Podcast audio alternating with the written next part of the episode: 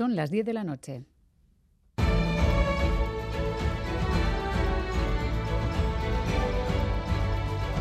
Radio Euskadi y Radio Vitoria.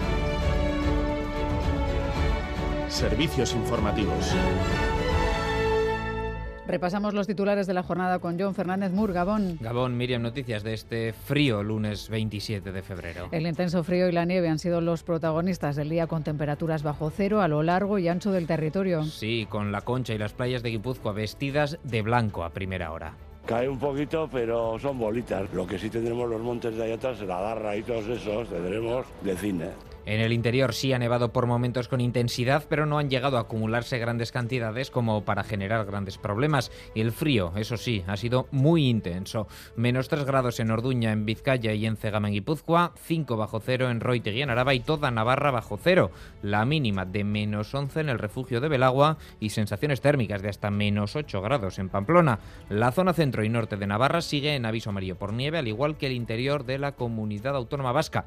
Estará en aviso amarillo hasta las 9 de la mañana del miércoles. En las próximas horas las precipitaciones no serán abundantes, pero seguirá el intenso frío. Se esperan heladas en el interior esta noche y podrían darse también cerca del litoral. Los jefes del servicio de la OSI de Donostialdea han puesto fin a sus concentraciones de cada lunes al ver avances en las negociaciones. Eso sí, dan dos meses de plazo a la dirección hasta ver que las palabras se traducen en hechos concretos. Decisión que llega después de las manifestaciones de este fin de semana contra el deterioro de Osaquideza. Sobre estas movilizaciones hablaba esta mañana en Boulevard el secretario general del sindicato ELA, Michel Lacunza. Y nos reafirmamos además en nuestra denuncia lo que se destina del presupuesto del gobierno vasco a Osaquideza es 20 millones menos que lo que se ha gastado el año anterior. ¿Quién está fuera de la realidad?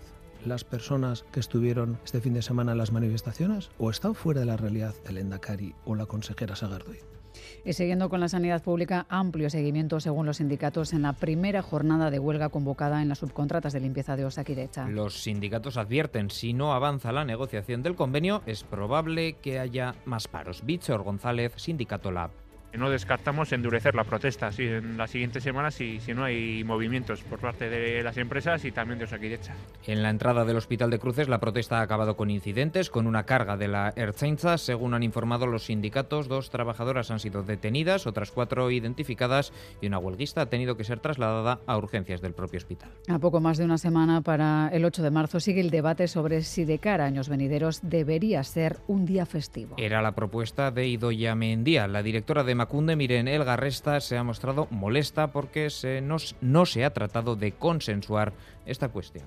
Tampoco se ha contado con este instituto a la hora de hacer un mínimo contraste perdón, y por lo tanto bueno, pues la, la, noticia fue inesperada, que necesita concitar de alguna manera de una adhesión amplia de gran parte de la, de la sociedad, requiere una reflexión previa y contar también con, eh, tanto como con el Instituto de Macunde y también con el movimiento asociativo de mujeres eh, feministas de Euskadi.